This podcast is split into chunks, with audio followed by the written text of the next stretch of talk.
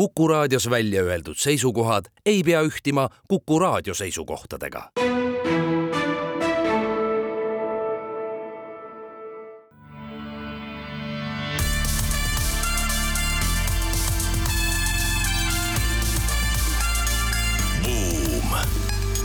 buumile annab hoogu SEB Pank tere päevast, head Kuku raadio kuulajad! on kolmapäev, viieteistkümnes november ja eetrisse läheb majandussaade Buum. Nagu alati, toome heade raadiokuulajateni põnevaid majandus- ja ettevõtlusuudiseid laiast maailmast. tänased saatejuhid on Raivo Vare ja Ott Pärna. uudisteplokis teeme algust Brexiti pikaajalisest mõjust või täpsemini laastavast mõjust Briti startup sektorile.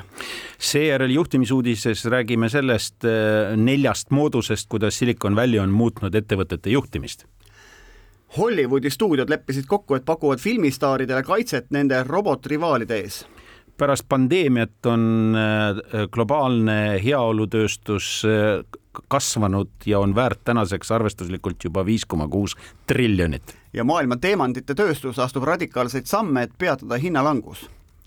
tänaseks saatekülaliseks on meil EAS-i teadmus- ja tehnoloogiasiirde juht Siim Kinnas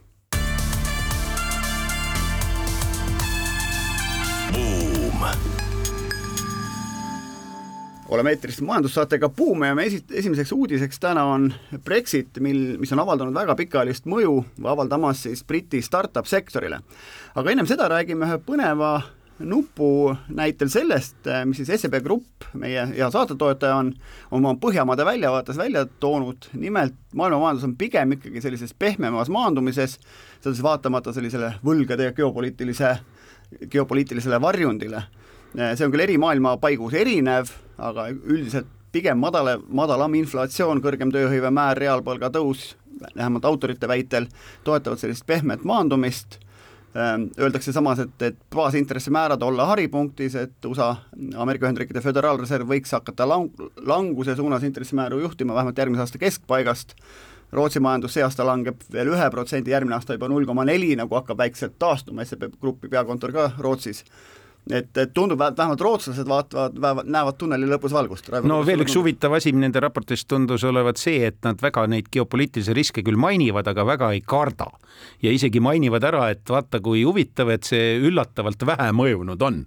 ei välista, et see mõju võib äh, eskaleerumise korral tekkida suurem, aga praegu tundub, et asi hull ei ole. teiseks, nad ütlevad otse välja, et tegelikult OECD ehk siis rikaste riikide klubi äh, nii-öelda kasvupotentsiaal ei realiseeru realiseeru veel sel aastal ega järgmisel aastal, vaid alles kahekümne viiendal reaalselt aastal, ehk siis sel aastal ja järgmisel aastal pigem äh, kasvutempod vähenevad. ja see on noh, ütleme niimoodi, et enam-vähem omaks võetud ja see intresside tõstmise kõige kuumem teema, millest meiegi siin saates oleme korduvalt rääkinud, siis sellest on nende arusaam, et see juhtub tegelikult järgmise aasta sügise poole. langetamine. langetamine jah, vabandust, jah, tõstmist oleme rääkinud, nüüd siis langetamine ja seejuures eraldi tuuakse välja välja võimalus, et Euroopas Euroopa Keskpank võib seda isegi ebatavaliselt enne teha kui Föderaalreserv, vastupidiselt senisele praktikale, kus Föderaalreserv ees ja Euroopa Keskpank järel.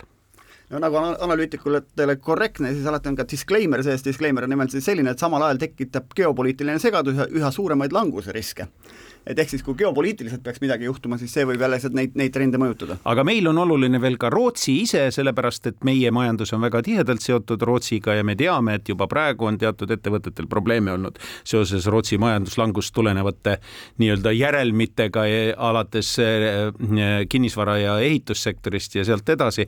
ja praegu SEB Pank ei prognoosi ka, et Rootsis kohe asi paremaks läheb, et see võtab natukene aega, et see ja järgmine aasta lähevad jätkavad veel äh, sellise languse trendiga ja alles kahekümne viiendal aastal hakkavad asjad natukene paranema. Aga nagu lubatud saime, räägime siis natuke äh, Ühendkuningriigist Brexiti järgselt ja on tehtud üks vahva intervjuu, Bloomberg meiega seda jagab, Marta Lane Foxiga, kes on äh, siis brittide äh, kuidas see on siis, kaubandus-tööstuskoja juht, kes on endine Last Minute Comi tegevjuht, kes müüs selle poole miljardi eest kunagi maha mis on üldse, huvitav, et brittide sellist organisatsiooni juhib nagu endine ettevõtja, mitte meil tihti on ta pigem ametniku tüüpi inimene, kes juhib siis erinevaid või, või endine poliitik näiteks, kes juhib siis Tööandjate Keskliitu või, või Kaubandus-Tööstuskoda, et, et siis siin on tõesti, et endine suur ettevõtja on tegelikult sellise et- ja tehnoloogiaettevõte on siis Kaubandus-Tööstuskoja juht. no teab, mida teeb järelikult. teab, mida teeb ja, ja ütleb väga täpselt ka, et, et poliitikud selle asemel, et eh, pidada debatte Elon Muskiga suurtel lavadel, võiks teha selgeks, kuidas tehisintellekt majandust mõjutab ehk siis eeldab sellist ekspertteadmist ka poliitikutelt märksa rohkem, aga jah, arutlevad pikalt selle üle, et, et mis mõju siis see Brexit on ikkagi avaldanud äh, Ühendkuningriigi majandusele ja üldse startup ökosüsteemile seal, äh, Londoni börsile, Londoni börsi listingud on all, eks, eksperdid soovitavad, et minge noteerige ennast Ameerika Ühendriikide börsil, miks, miks, miks kuramuse pärast te siin Londoni börsil enam olete, et kogu see renomee risk, mis Londonil on, eks ja, ja, ja kogu siis üleüldine selline noh, nagu selle talent pool'i või, või siis selle inimkapitali kättesaadavuse temaatika, noh, me teame, et teenindavates sektorites ei ole ben-, bensiiniautode juhte ja, ja, ja kohviku, kohvikutes kohvikuinimesi, kes teenindavad, eks, aga tegelikult see lööb ka nagu selliseid talendikamaid äh, sektoreid või gruppe, kus neid vaja on? no otse selle intervjuu üks, üks äh, kandvaid teemasid on äh, tegelikult ka immigratsiooni teema ehk siis selle talendi management'i, talendi kättesaadavuse, talendi sissetoomise vajadus on täiesti ühemõtteline uues majanduses. Huvitaval kombel on isegi võib-olla nii-öelda väljast tulevad abijõud või tööjõud on tegelikult palju inventiivsem, palju rohkem isegi teinekord ettevõttev ja seal tuuakse ka näiteid sellest, kuidas noh, Silicon Valley tegelikult ikkagi suuresti on seda tõestanud, seda teesi, ehk siis eh, just nimelt eh, mujalt saabunud äh, äh, inimesed on need, kes on käivitanud ettevõtteid, on olnud juhtivad spetsialistid ja nii edasi, nii edasi. ja noh, äh, taustaks on muidugi ka selle Ühendkuningriigi sisemine vaidlus seoses Brexiti järelmitega, kuna Brexiti üheks kandvaks talaks oli ju tegelikult nii-öelda põhjenduseks oli, oli just nimelt immigratsioonivastasus, et see on tegelikult kurjast ja seda öeldakse ka otse ja ilustamata välja asja paradoks on muidugi selles, et siis Brexiti üks autoritest, David Cameron, asub nüüd välisministri positsioonile Ühendkuningriigis, ma saan aru, et et taas valitsuses üks noh, erakordne juht, kus üldse endine Briti peaminister on uuesti valitsusliikmena ja mitte peaministrina ametis, mis on huvitav, aga teine asi, tegelikult kui me mõtleme seda, kogu seda inimkapitali asja siis Ühendkuningriigis, vaadake, kogu teadussektori oluline raha tuli, tuli Euroopa Liidust ehk siis, et nad on eemal nendest grantidest, ehk siis selline pikaajaline talendi järelkasv, pluss on see, et Inglismaa kõrgharidus läks uuesti kalliks eurooplastele õppida. sest ma olen ise Inglismaal õppinud, ma läksin õppima ennem seda, kui äh, Eesti äh, Euroopa Liitu astus, olid õppemaksud kallid, ma ei, minu ajal seitse või kaheksa tuhat naela aastas. siis astusime Euroopa Liitu, olid õppemaksud meil kolm tuhat äh, naela aastas ja nüüd uuesti üleval mm.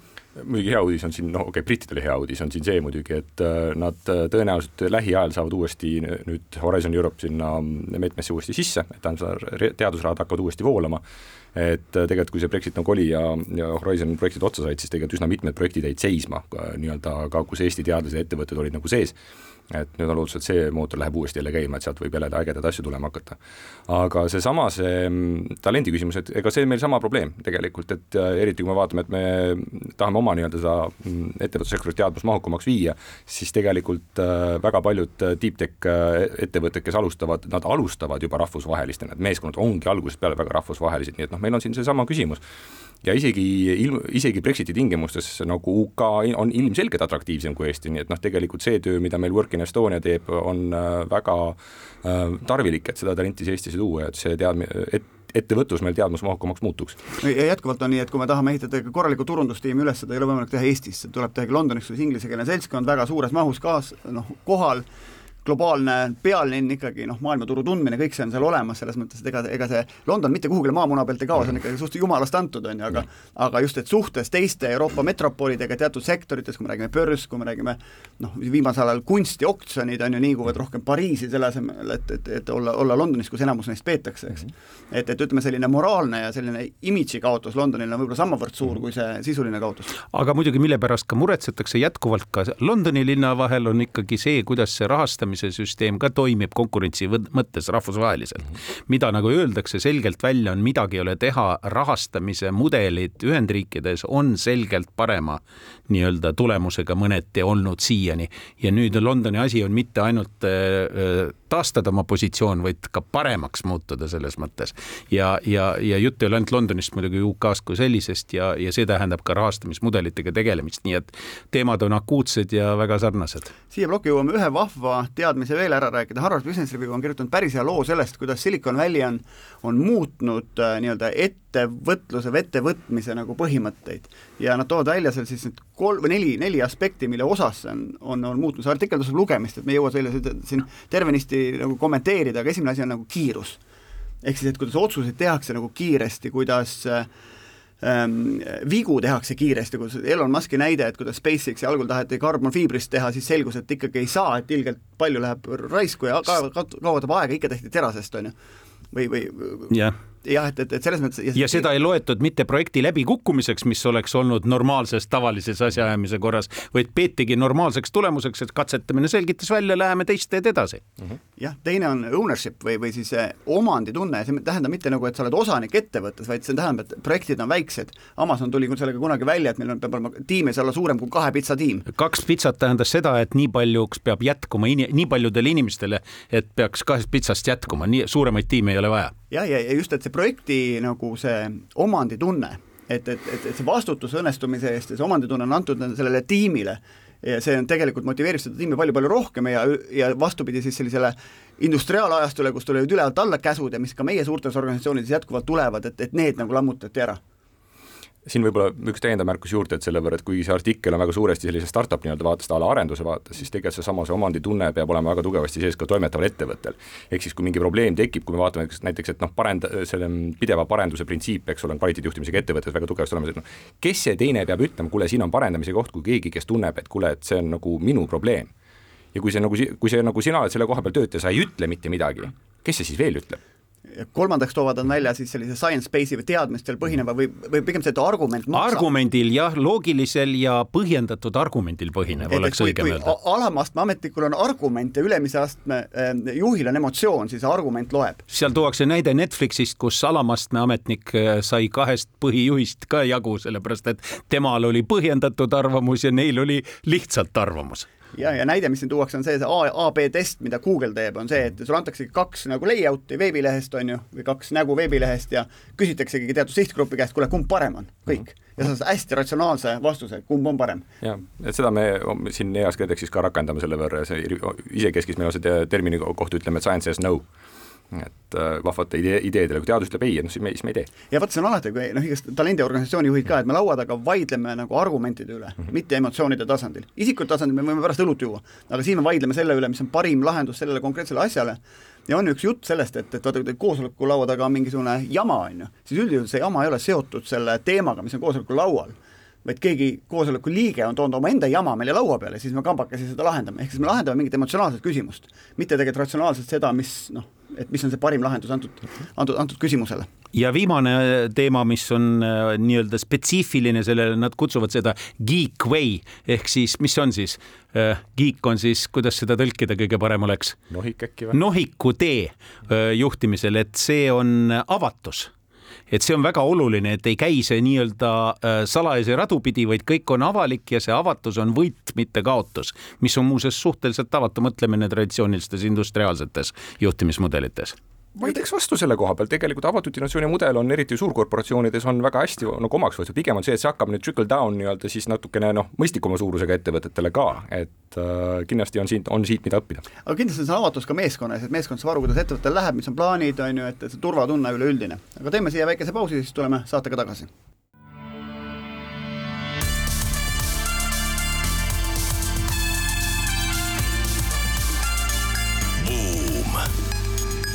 buumile annab hoogu SEB Pank. Läheme edasi majandussaatega Buum, tänased saate, saatejuhid on Ott Pärna ja Raivo Vare ja, ja külas on meil EAS-ist Siim Kinnas, kes aitab meil ka siis uudiseid kommenteerida. järgmise uudisena räägime sellest, mida The Economist kirjutas Hollywoodi näitlejate kohta. nimelt siis stuudiod leppisid kaheksandal novembril kokku, et et nende silmatorkavaid staare nad üritavad siis kaitsta robotnäitlejate eest robotnäitlejate, robotavataride eest laiemalt, nad nimetasid avatarideks ja põhjuseks on see, et see oli üks suur mure supertähtedel, sest eh, neid eh, kuritarvitatakse. Nende nägu, nende imidžit, nende häält, kõike seda, mis loetakse nende eh, lahutamatuks kuvandiks, mis ongi nende ju nii-öelda teenimise allikaks, et seda hakatakse kuritarvitama ja see oli tegelikult suur hirm jah, ja te tegelikult seda, et meil on võimalik kombinatsioonis erinevaid asju kokku panna ühel Cheri laul, häälega lasta Madonna laulu laulda, et selliseid kombinatsioone teha, kellele see autorlus üldse kuulub, on ju, Beatlesite viimane album on tehtud suuresti ai abiga, eks mis natuke aega tagasi siin, mitte jah, singel, mis, mis siin avalikustati, eks, et, et et, et kust maalt on jah, selle The Beatle Foundationi mingisugune sooritus või asi, et tõesti tehti Beatlesite lugu, pandi uude kuude, on ju, või kuidagi lava, noh, või, või, või, tegi seda mõni teine stuudio, lihtsalt proovis, et et kuidas oleks, on ju. või pannakse mingi teine vend trummide taha näiteks, on ju, et, et, et kui see vend mängis selle bändi trumme, kuidas see, kuidas see, see, see tükk siis nagu kõlaks no rahvusvaheline autoriõiguse seadus on siin selge, et selles suhtes autoriks saab olla ikkagi ainult inimene, nii et ainult see osa, mis on inimene nii-öelda oma tahtliku pingutuse tulemusel loonud, saab olla teos, mis on kaitstav selle võrra, et ülejäänud lihtsalt on tehniline. aga kui sina siin laua taga pingutad mm -hmm. ja selle teose nüüd lood siin arvutis, on ju, et siis oled sina selle autor, lihtsalt mm -hmm. sa oled klopsinud kokku selle kellegi teise nagu ja, soorituste kellegi teise hääl on instrument, millega no. DJ-d on seda kogu aeg teinud, aga, aga, aga nüüd, nüüd on siis see, et, tegelikult arvuti suudab ise teha. ja teine pool asjast on see, et see ei pruugi olla terviklik mm -hmm. nii-öelda kuvand, vaid see võib olla elemente, äh, mis on väga raskelt tõestatav ka mm -hmm. tänase seaduse mõttes, nii et see mure on arusaadav, aga Economist kirjutab ka sellest, et ega see mure ei ole nüüd esmakordne. iga kord, kui on tehnilised innovatsioonid kommunikatsioonis tulnud, iga kord on oldud selle pärast mures mm. -hmm kunagi oldi mures, kui tuli tehnoloogia, mis võimaldas raadiod ja televisioonid, mis võimaldasid äh, reprodutseerida äh, häält nägu ilma, et inimene ise elavalt seda etendaks. näitlejad olid mures, eriti staarid Läks mööda, selgus, et nad hoopis võitsid sellest, tekkisid superstaarid, siis tekkisid täpselt samamoodi megastaarid. no ja nüüd siis Economist ennustab, et tegelikult nüüdsel ajal ei ole põhjust ka just nimelt suurtel staaridel ei ole põhjust ka nüüd muretseda, lihtsalt megastaaridest saavad äh, globaalsed super-superstaarid, küll aga on probleem selles, et Economist eh, väidab, et tõenäoliselt kaotavad keskmise suurusjärguga tähed. vot nende jaoks on see tõesti ohuallikas. ja, neid, neid super-superstaare nimetatakse omnist, omnistaarideks. jah, omnistaar oli hea nimi. praegu avalikustasime Tallinki uue laeva nime, ma arvan et vaata, võime panuseid teha, kas saab selleks või ei saa. aga mida nad samas siin räägivad ka tegelikult, et, et nii nagu ettevõtete puhul, siis selle tehnoloogia revolutsiooni käigus on suured saanud suuremaks ja või rikkad saanud rikkamaks, eks ole, nii on ka siin.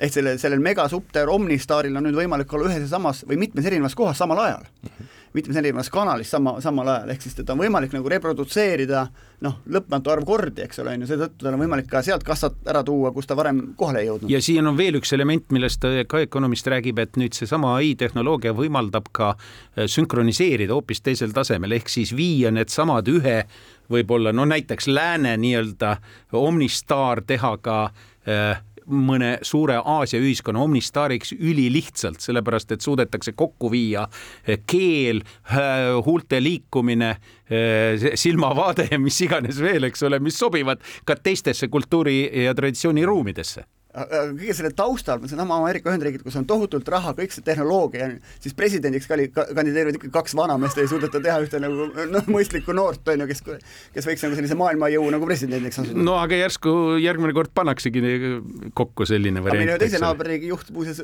arutleb selle üle, et kuidas igavikuliselt ennast nagu säilitada. naaber, idanaabri juhi teema on, ta on eraldanud selle suure raha selle jaoks ja tegeldaksegi sellega, et teda igavikustada äh, ai abil Vladimir ai. digitaalsel kujul, jah.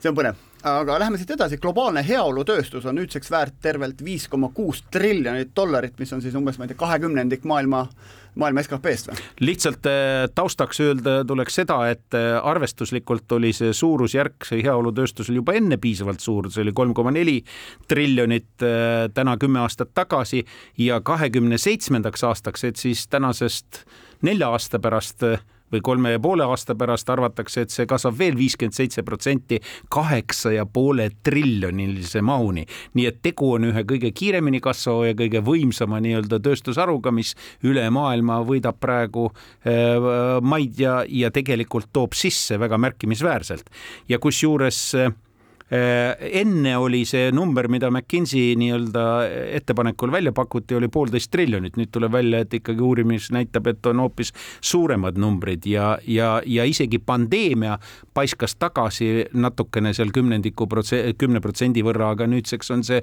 pandeemia efekt ka ära kadunud. küll aga toimuvad teatud restruktureerimised selle heaolutööstuse siseselt nii on jah, ja kui natuke vaadata selle sisse, mis seal on siis, et näiteks üks triljon on eh, personal care and beauty ehk siis igasugused heaolu ja iluteenused.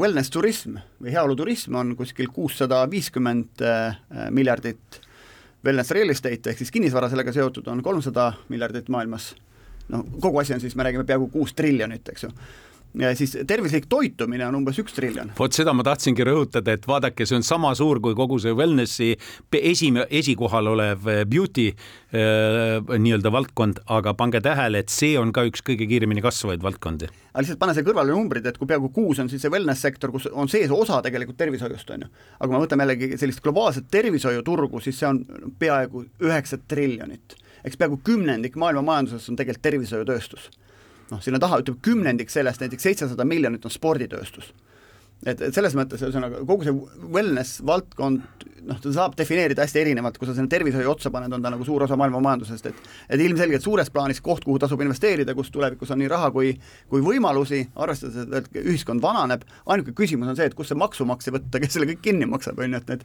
ei, oota, see on ju tööstus selles suhtes. ja, ja noh, klient maksab. muuseas, ma kuulsin huvitavaid asju Ameerika Ühendriikide sealsed koolides, see küll nii, et kui lapsevanem lubab, võib lapsele anda sisse, kõigepealt lapsed joovad suhkruvett, on ju, ehk siis neid kõuke ja asju, on ju, nad on ülienergilised. nüüd, et pidur peale panna, antakse lapsele tablett, on ju. selle nõusolek peab olema vanema poolt antud, et see tablett talle antakse, ühesõnaga tõmmatakse laps, mitte ei lasta joosta, vaid tõmmatakse tabletiga aeglaseks, eks. et, et karm on ju, küll vanema loal, eks, et, et, et, et, et huvitavad nagu trendid on maailmas ja siis teises otsas me otsime nagu seda heaolupilli või, või et ma ei peaks sporti tegema, ma ei peaks midagi tegema, võtan mingit rohtu sisse ja siis nagu, nagu olen terve, eks ju, on ju.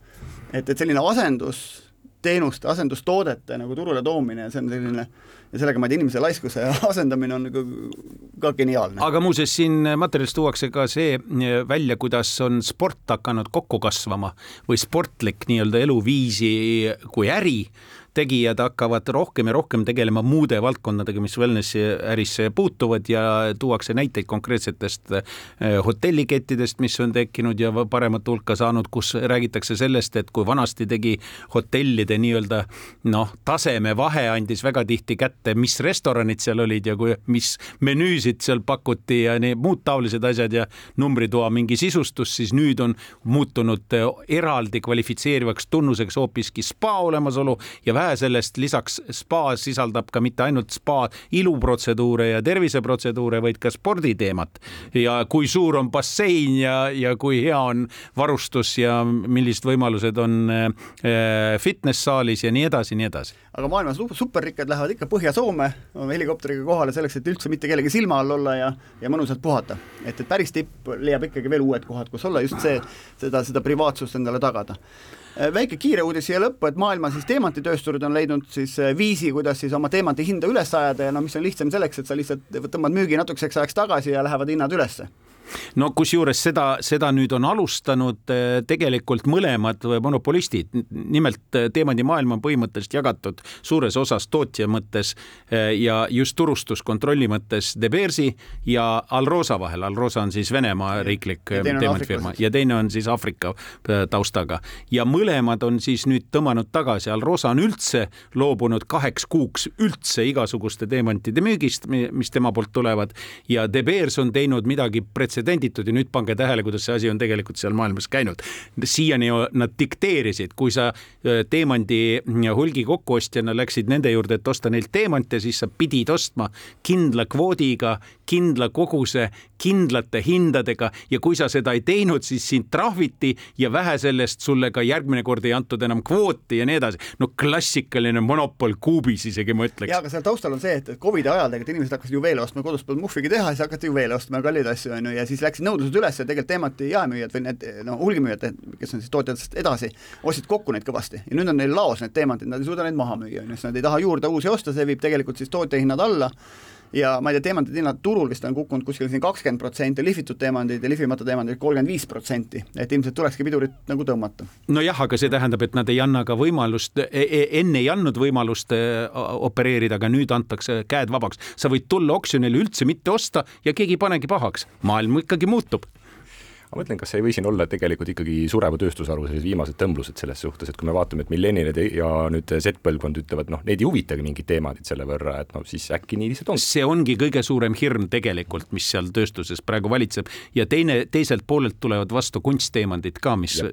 olukorda veelgi halvendavad. tööstus naturaalseid teemasid enam üldse ei osta. ja tegelikult see, kuidas vanad tööstusharud püüavad hakkama saada, NASCAR otsib endale uusi kliente, sest et need muntsidega vanamehed hakkavad juba vanaks jääma, on ju, Harley Davidsonil pole enam need bensul sõitvaid tsikleid kellelegi müüa, et et see on paratamatu ja, ja noh, eks mingid sektorid, hobune asendabki masinaga mingi hetk, aga, aga vaatame, kuidas sellega läheb, buumisaade kindlasti kajastab kõike seda, aga teeme siia pausi ja siis tuleme äh, vestlusega tagasi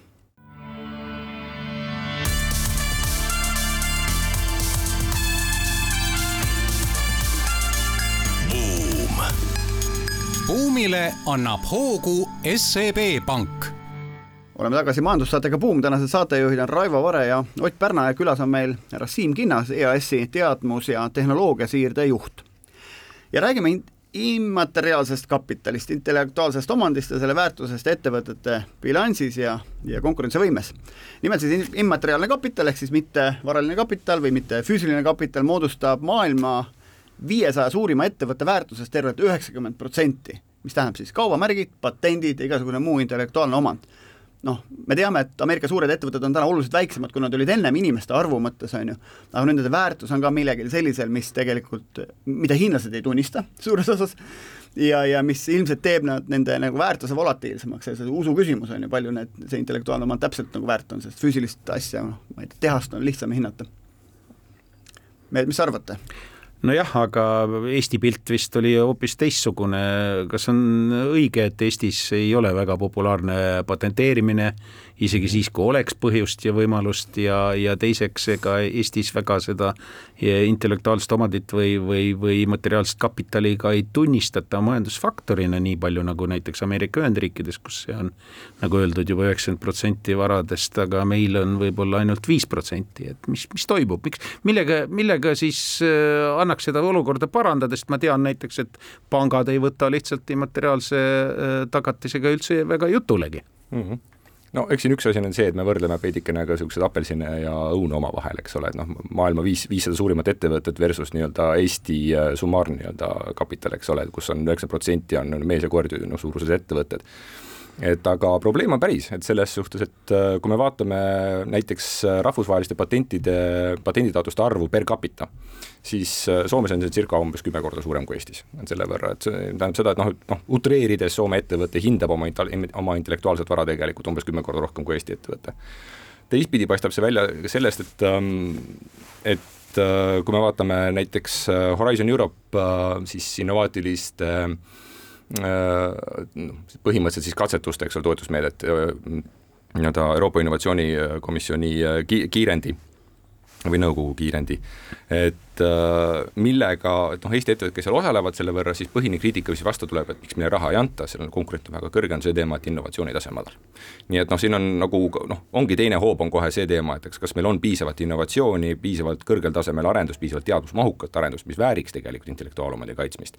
nii et noh, siin on medali mitu poolt, mis vajavad kõik poleerimist. no ja see intellektuaalne omand on ka väga erinev asi, üks asi on, kui me kaubamärgist räägime, on ju see, et teil on kaubamärk kaitstud, et keegi teine sama nime, sama visuaaliga ei saa nagu mingit toot-, samas kategoorias mingi tootega turule tulla, on selline võib-olla lihtsam kategooria, aga me räägime jah, siin juba noh, kasulikud mudelid, patendid sealt edasi on ju noh, on pigem nagu selline keerukam, keerukamate asjade mhm. kaitse, noh kaitstakse meil, ma ei tea, vann, vannitootjad vaidlevad omavahel, on ju, kes selle vanni parasjagu siis disainis ja kelle nagu intellektuaalne omand see on, et et on küll, selles mõttes kaitset võetakse ja kaitse üle vaieldakse, on ju, aga aga ega see soomlased ka, et ma kardan, et keskmiselt nad ei ole kümme korda aktiivsemad meist kaitsmisel. no seal on lihtsalt suured ettevõtted, Nokial oli kunagi üksteist tuhat patendiperekonda. Nad ostavad juurde neid perekondasid, sellepärast et kaitsta turgu, on ju. et, et ma arvan, et kui nagu suur, suur, suur äh, Soomest välja võtta, ma arvan, see, see, asi on märksa võrdsem. selles suhtes, et sinu hüpotees äh, tundub tõenäoline, aga me vaatasime siin andmetesse sisse, see tundub mitte tõsi olevat. et selle võrra Nokia mõju on juba tükk aega tagasi lahtunud. et seal on küll mõned suurettevõtted veel, aga selles suhtes nad on pigem traditsioonilises tööstusharudes, kus äh, väga palju nii-öelda kõrgetasemelist innovatsiooni enam ei tule, nii et siin on ma ütleks niisugused noh, mitte, mitte väikeettevõtted, aga keskmise suurusega ettevõtted on põhiline nii-öelda see seltskond, kes seal nagu innoveerib. no samas, kui sa võtad, ma ei tea, Kemira, Fiskars mm, -hmm Kone, liftid, elevaatorid, no ju seal on üht koma teist kaitsta ikka. no midagi ikka leiab ja, jah, aga no muidugi, kui sa paned kõrvale nagu farma ja sellised sektorid mm, -hmm. kus on palju väikseid tulijaid ja kus kaitsmise noh, num-, num-, numbrisse võttes need patentide no võtame siin näiteks on Taani näide, eks ole, kus Ozempic, eks ole, põhimõtteliselt üks firma, kes lükkab terve, terve majanduse riigis, vot lükkab kiiva, et selles suhtes, et noh, üks-kaks patenti no, rohkem kui Taani arenenud, Taani riigi skp kokku on, eks ja. ole, ühe firma väärtus ja ma olin Öresundi väina kõrval ühes hotellis, äh, lennujaama kõrval põhimõtteliselt Kopenhaagenis on ju, vaatasin, mis, mis kuramuse maja see merre on ehitatud, on ju. guugeldasin, mis maja on, Pharma mm., ehitanud betoonist megamaja merre, on ju et, et, et, et selles sektoris on raha ja osa sellest on siin patendikaubandus ja, ja me enne rääkisime uudisteplokis sellest, et äh, wellness ja tervis, äh, eriti veel tervisemajandus on väga suure osakaaluga. loomulikult, kui ta on nii suure osakaaluga, siis on ka rahad seal väga suured ja seal on ka intellektuaalse omandi tähendus väga suur yeah tegelikult suurem kui paljudes teistes valdkondades isegi. Siim, kui me selle valdkonna mingitest trendidest räägime või kui, kui maailmas on võimalik tuvastada, mis on muutumas, siis mis on muutumas um,? erinevad tööstusharud tunduvad, et liiguvad erinevates suundades, et noh, nagu Raivo viitas selle võrra, et farmas noh, ilma patendita sa ei tee mitte midagi. selles suhtes, et noh, sul tootearendus on nii pikatsikliklised, sul on vaja seda oma, oma investeeringut kaitsta, seda enam, et sa edu, edukuse tõenäosus on umbes kümme protsenti ja siis, siis ka on sul umbes äh, noh, viimased neli-viis aastat sellest ravimiarendusest, eks ole, kõigi nende kümne ravimi, mis nii-öelda ei õnnestunud, eks ole, nende arenduskulu ka tagasi teenida, on ju teistpidi, kui me vaatame IT-s selles suhtes, noh, Eesti ettevõtetega meil on pidev niisugune jagelemine selle võrra, kas IT-s on intellektuaalomandid, mida kaitsta või ei ole, noh, tegelikult seda on nagu lademetes, on ju, et ähm, et isegi Eesti ettevõtted võiksid rohkem tähelepanu pöörata IT-ettevõtted just eriti nii-öelda tegutsemisvabadusele, et okei okay,, sina ei patenteeri, jah, eks ole, aga nagu sel turul, kus sa opereerima hakkad, selle võrra, seal on patenteerinud päris palju, et ähm, et seda, seda nüanssi peaks nagu meeles pidama. ja minu arust huvitavaid arenguid on veel, no ma toon ühe vahva näite Tartu Ülikoolist, eks mm, -hmm. et, et meil on selline asi nagu Delta X, mis on tudengivõistlus mm. -hmm. tudengivõistlus erinevatest kategooriatest, noh, Deltas on meil siis neli, neli teadussuunda koos, matemaatika, statistika, arvutiteadus, robootika, majandus, äh, ärijuhtimine, eks, et, et ja meil on Delta X ja meil on, ja noh, mõtlesime, X on muutuja, hea nagu selline ja X ja nüüd, kui sa vaatad, et äh, milline on siis nagu Twitteri uus logo identne meie logole ja me omavahel naljame, et, et äkki peaks kirjutama Elon Muskile, saada meile vähemalt mõned Teslad siis selle eest, et sa meie logo ei no võta järjekorda selles suhtes, Tesla, minu arust X-il on praegu mingi kümme kohtuasja seljas, sellepärast et noh.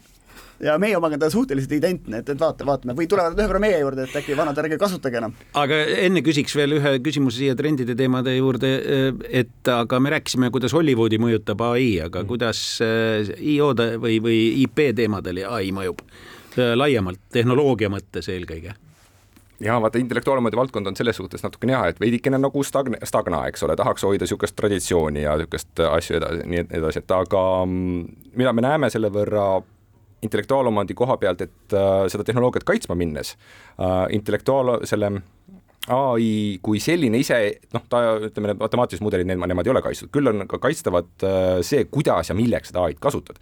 ja me näeme tegelikult, et ai kui selline tegelikult, noh, kui me vaatame näiteks patendiandmetesse, et näiteks noh, patentides, milles on sees nii ai komponent kui ka muud asjad selle võrra, ai veab väga paljusid teisi, teisi tööstusharusid ülesse, kus noh, tükk aega näiteks innovatsiooni mõttes on olnud täielik stagnatsioon. selle võrra, et noh, näiteks ütleme, recycling on selline valdkond, noh, no siis ümbertöötlus, eks ole, on niisugune valdkond, et noh, sorteerimine käis ikka niimoodi, et võeti lindi peal laiali, siis inimesed muudkui lappasid selle pärast, et noh, ei olnud teist varianti, on ju. nüüd meil on äh, põhimõtteliselt kaamerad, mis näevad äh, sisuliselt äh, infrapunaspektrit, suudavad ära identifitseerida, mis tüüpi materjaliga tegemist on ja siis kohe tuleb del delta robot põhimõtteliselt ja tõstab selle nii-öelda õigesse lahtrisse ära ja teeb seda nii kiiremini, kiiresti, et inimese silm ei näe seda. ja see on puhtalt ai põhine asi, mis on nagu tulnud praegu nii et see, kuhu ai nagu läheb, eks ole, ka intellektuaalomandi mõttes, no ma arvan, kümne aasta pärast näeme ja, noh, see ai täna on ühesõnaga, me räägime tekstipõhist prediction'it või ennustatavust, et mis sõnale eelneb ja järgneb mis sõna, on ju. no see on üks rakendus, jah. see on üks rakendus, aga tegelikult noh, suurem töö käib hetkel selles osas, et kuidas siis seda asja nagu nii-öelda sellisesse behavioral poolde panna, ehk siis käitumuslikku poolde mm.. ja, ja ma, ma just üks päev me tegime Delta keskuses, tegime Delta trendipäeva, see oli üks hästi vahva ettekanne selles osas, et mis ühe Toronto professori oma, et et kuidas inimesed, vaadake, meil on sõbrad, on ju, ja meil on terve hulk sõpru, eks, ja nad, neil on väga erinevad ametid, nad teevad erinevaid asju. aga kui nüüd need sõprade ametid jagada omakorda tükkideks, ehk siis, et see, et kas ma teen nagu selle käega pitsat, puhastan lauda, on ju, ehk siis liigutus on sama, töö on erinev. nüüd nad jagasid inimese nendeks liigutusteks ja nad, need standardliigutused. ja nüüd need liigutused õpetatakse selgeks humanoidile, ehk siis inimese sarnasele robotile ja kes on siis võimeline tegema kõiki neid task'e, seetõttu ta oskab neid baasliigutusi teha. ja väidetakse, ma nüüd ei mäleta, kas aastaks kaks tuhat kolmkümmend või viiskümmend on maailmas selliseid kaks miljardit meie seas. et, et päris huvitav, et seesama asi, mida me täna räägime nagu põhiliselt nagu teksti nagu nii-öelda kontekstis, eks mm, -hmm. et see läheb nagu päris asjadesse, päris elusse mis on te teine omaette arutelu, mis tegelikult käib nüüd ütleme sellistes akadeemilistes keskkondades, aga hakkab jõudma tasapisi võib-olla ilmselt ka siis allapoole, ongi tegelikult see teema, et no kus siis on siis lõpuks selle inimese koht kogu selles süsteemis selle võrra, et kas ongi lõpuks, kus me peame hakkama nii-öelda inimest kui sellist äkki kaitsma seadusjõuga, et selle võrra, et noh, kunagi liin-metoodikas oli ju see, et põhiline kriitika oli see, et no automatiseerime siis kõik ära, aga siis liin-filosoofid ise ütlesid sinna peale, et ei, ei, sa pead selle liin nii-öelda tootmise niimoodi üles ehitama, et see inimene oleks seal sees ja tal oleks hea olla no me ei suuda seda inimest praegu isegi Ukrainas mitte kaitsta, et, et mis siis robotite vastu veel saab. me teeme siia väikese pausi, siis tuleme Buumi saate viimase plokiga tagasi.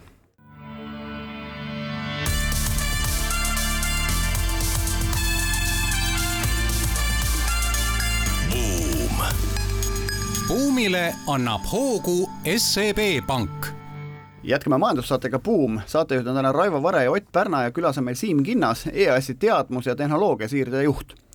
Ennem rääkisime siis intellektuaalse omandi sellisest laiemast rahvusvahelisest perspektiivist, et vaatame nüüd Eestisse. et räägi kõigepealt, et mis asja EAS-is teil see tiim teeb, mida sa juhid? no meie tehnoloogiasiirde valdkond tegeleb põhimõtteliselt teadmiste, oskuste, tehnoloogiate, ettevõtete vahel teadliku liigutamisega, mis tähendab seda, et ühtlasi peame tegelema ka nii-öelda selleks eelduste loomisega, ehk siis intellektuaalomandi pakendamise ja kaitsmisega. nii et niisugune, see on lühike kokkuvõte. aga päriselt nagu esmaspäeval lähed tööle, mis sa siis teed? Uh, mul on ettevõtte nõustamised uh,, teeme analüütikat uh, ja nii edasi, jah aga, aga okei okay,, ühesõnaga ettevõtted tulevad siis EAS-i ukse taha mm, -hmm. tahavad teha mingit tootearendust, mille raames siis kaits-, tekib mingi intellektuaalne mm -hmm. omand, seda kaitsevad, on ju, et millised need ettevõtted on, kes teie ukse taha tulevad, millised on edukamad teilt raha saamisel, võib-olla Euroopast raha saamisel?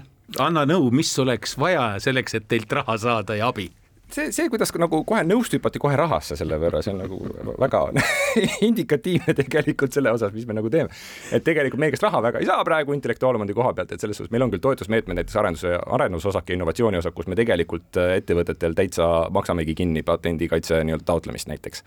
et äh, aga suuresti meie töö seisneb ettevõtte nii-öelda ärieesmärkidest arusaamisest, tema tehnoloogiast arusaamisest ja siis me nii-öelda aitame koos ettevõttega jõuda sinnamaani, et tal oleks intellektuaalomandi kaitsestrateegia, mis seda ärieesmärki toetab. võib-olla lühike kokkuvõte, mis me teha tahame. aa, okei okay,, te nagu õpetate ettevõtteid, kuidas siis oma intellektuaalset omandit majandada, kaitsta. jah et..., coach'id põhimõtteliselt. kas te coach ite neid ka selles mõttes, et kuidas leida selle tehnoloogia kasutajaid mujal, eks ole, et saaks välja litsenseerida ja, seda? see on see tehnoloogia siirde aspekt selle võrra, et ongi see, et on, see on tore, et sul siin see patent on olemas, aga patent üksinda ei too õnne sinna õuele.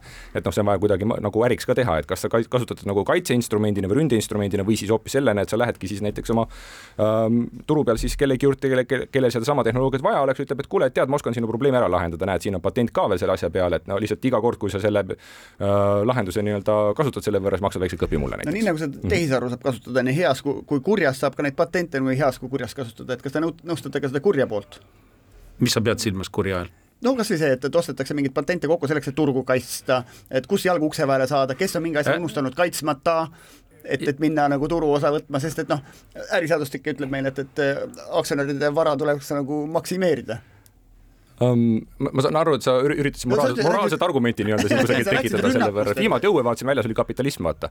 et, äh, et selle, selles suhtes me ikkagi vaatame ettevõtte nii-öelda ärihuvidest vastavalt, otse loomulikult me ei tohi teha midagi, mis nii-öelda oleks ikkagi moraali ja kõlblusnõuetega vastuolus, selles suhtes ikkagi riigiasutus on selles, aga jah, pigem, pigem ikkagi me vaatame äriaspektist. aga Siim, mis asi on tehnoloogialuure, mida te ka tegevat? Kõlab hästi, on ju, et aga selle taga on tegelikult see, et me üritame leida eestikeelset vastet sõnale technology intelligence. et noh, business intelligence enam-vähem teavad kõik, eks ole, no meil on technology intelligence mm -hmm. ka mhm. olemas selle võrra, aga kus me tegelikult nagu äh, teadusandmestute ja patendiandmestute pealt äh, näeme põhimõtteliselt tulevikku. selle võrra, et näiteks väga sageli ju patendikaitse võetakse aasta kaks-viis enne, kui see toode üldse turule tuleb aga keegi jumala sel hetkel midagi Google'isse ei pane ega ei turunda midagi, eks, mis tähendab seda, et tegelikult me näeme asju, mida nii-öelda, mis avalikult nagu nähtavad ei ole, nii et kui keegi küsib meie käest, et noh, kas ma peaksin võtma näiteks vesinikutehnoloogia üks või vesini, vesinikutehnoloogia kaks selle võrra, siis meil on tegelikult inimesed ja võrgustikud ja nii-öelda andmestikud olemas, mis aitavad nii-öelda lähtuvalt ettevõtte enda tarvidustest talle nii-öelda anda nõu, eks ole, et noh, kuidas ta siis lõpuks nii-öelda noh, mille põhjal ta saaks teha endale vajaliku otsuse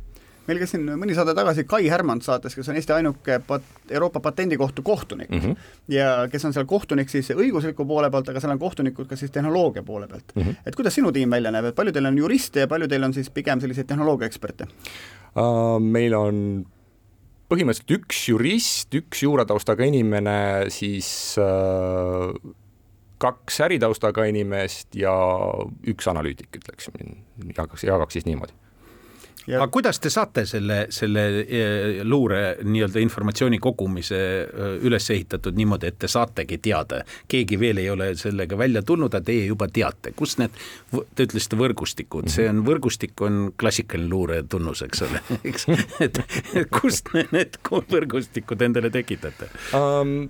Ütleme, üks kolleeg ütles hiljaaegu, et tehnoloogiasiire on äh, kontaktsport, et äh, ja, ja nii ongi, selle võrra, et äh, väga palju tuleb käiagi rääkimas rahvusvaheliselt ülikoolides, me oleme näiteks Euroopa tehnoloogiasiirede ekspertide võrgustikus, ASTP on meie inimesed sees, kes noh, käivadki, räägivad, mis te teete, on ju siis on äh, näiteks selline väga äge organisatsioon nagu LESI, Licensing Executive Society International, kus ongi litsentsimseksperdid koos, kes saavadki, noh, me lähme nüüd järgmine nädal lähmegi konverentsile, saavadki kokku rääkida, mis tegelikult toimub et nii ta käib. ehk sa... klassikaline humint, nii et tegelikult ongi luure. absoluutselt, absoluutselt. aga noh, ta on ka siseriiklik kultuur, eks ma saan aru, see tehnoloogia siire on ju see, et, et ülikooli või just uurimisasutuses tekib mingisugune tarkus ja see jõuab siis ettevõtluse selle kaudu turule, eks mm, -hmm. ja tekib mingi konkurentsieelis, aga kuidas see reaalsuses, see intellektuaalne omand sealt siis nagu välja tuleb, et et ma kujutan ette, kui, kui meil on, ei noh, kui meil on, ma ei tea, geenitehnoloogia, et, et põhimõtteliselt samu laboreid kasutavad nii ettevõtted kui ülikool, ma saan aru, on ju, et kuidagi see koos luuakse seda intellektuaalset mm -hmm. omandit, aga nüüd, kui ma olengi mingi, ma ei tea, mingi IT-ettevõtja, on ju, ja kuskil on mingit tarkust ülikoolis, et kuidas see päriselt nagu minuni võiks jõuda. ja kuidas üldse ülikoolide tarkus jõuab meie ettevõteteni, see on klassikaline probleem olnud ju diskussioonis. ja kelle oma see tarkus on? Te ikka, ikka küsite raskeid küsimusi kohe, onju. et äh, valdav enamus tehnoloogiasiirdest ülikoolidest äh, ühiskondadega toimub ikkagi kõige lihtsamal moel, ehk siis ajudega. et selle võrra need inimesed, kes sealt välja tulevad, võtavad kompetentsid kaasa ja, ja loodetavasti oskavad need kuidagi nii-öelda implementeerida vastavas kontekstis. aga sealt edasi, kui sa suudad tõepoolest tuvastada mingi konkreetse tehnoloogia või oskuse, mis ülikoolis olemas on ja mida sa tahad oma ettevõttesse saada, selle võrra siis selleks on ülikoolides tegelikult ettevõtlusosakonnad, kes aitavad sul selle litsentsilepingu läbi rääkida ja selle sealt äh, nii-öelda välja tuua. Äh, meie toetame ettevõtted omalt poolt nii-öelda, et noh, ülikooli ettevõtlusosakonna huvides on toetada ülikooli huve, eks ole, nii-öelda, et kui ettevõtetel on tarvidus selle võrra, siis tegelikult ka meie osakond nii-öelda neid selle läbirääkimiste juures nõustab ja aitab aga kuidas on pilt Eestis nüüd sellega, me oleme rääkinud maailmatrendidest, me oleme rääkinud sellest, mida te teete, aga kuidas teil klientuuriga on? Klientuuriga on tegelikult äh, suhteliselt hästi, et selle võrra meil on isegi lausa strateegiline eesmärk, et me peame circa sada viiskümmend ettevõtet aastas ära nõustama. et just nimelt nagu selle äristrateegilise komponendi koha pealt ja sealt edasi me suunamegi nad eraturule, eks ole, kus on patendivolinikud, ka patendiamet kui selline, eks ole, kes nõustab ka tegelikult noh, tehniliselt on ju et äh, ja noh, see aasta me toome selle numbri täitsa kindlasti kohe täis, et äh, neid, neid ikka on ja kui me vaatame nüüd ka üldist sellist äh, näiteks kaitsetrendi, selle võrra me näeme seda, et nagu rahvusvaheliste Eesti ettevõtete see kaitsmisaktiivsus tegelikult on kasvamas, mis tähendab seda, et noh, tegelikult tulevik on pigem helge. aga mis see proportsioon on, mis see statistika on? Mille proportsioon? noh, kui palju on nii-öelda neid äh, huvilisi ja, ja soove ja kui palju on tegelikult kaitstud patente ja sealhulgas rahvusvaheliselt? vaata, see on nagu ähm, see asi, mille, kus me natukene sunnitult ja vägisi tulistame iseendale jalga selle mõõdiku suhtes, et me tegelikult ähm, väga sageli me peame ettevõtte selgitama, mis need noh, patentsuse kriteeriumiks on ju ka see, et sa avalikustad sisuliselt oma ärisaladuse ja siis me nii-öelda aitame ettevõttel läbi mõelda selle võrra, et millistes tingimustes tal on mõistlik oma seda intellektuaalomandit hoida ärisaladusena, millistel tingimustel on võimalik võtta nagu patentidena. ja väga sageli pigem see saladusena hoidmine, selline on nagu noh, mõistlikul käi-, käitumine, jah meil saade siin saab kohe läbi, vasta kaks kiiret küsimust, et kui nüüd mõnel ettevõtjal tekkis mõte, et tahaks teie jutule tulla, kuhu peaks minema, EAS-i lehele? EAS-i lehele. ja kas see teenus on tasuta või tasuline uh,? tasuta. hea kuulda buumisaade on tänaseks ümber, suur aitäh, Siim Kinnas, EAS-i teadmus- ja tehnoloogiasiirde juht saatesse tulemast, Buum on eetris täpselt nädala pärast kolmapäeval, siis uued põnevad teemad ja saatekülaline. aitäh mm. kuulamast!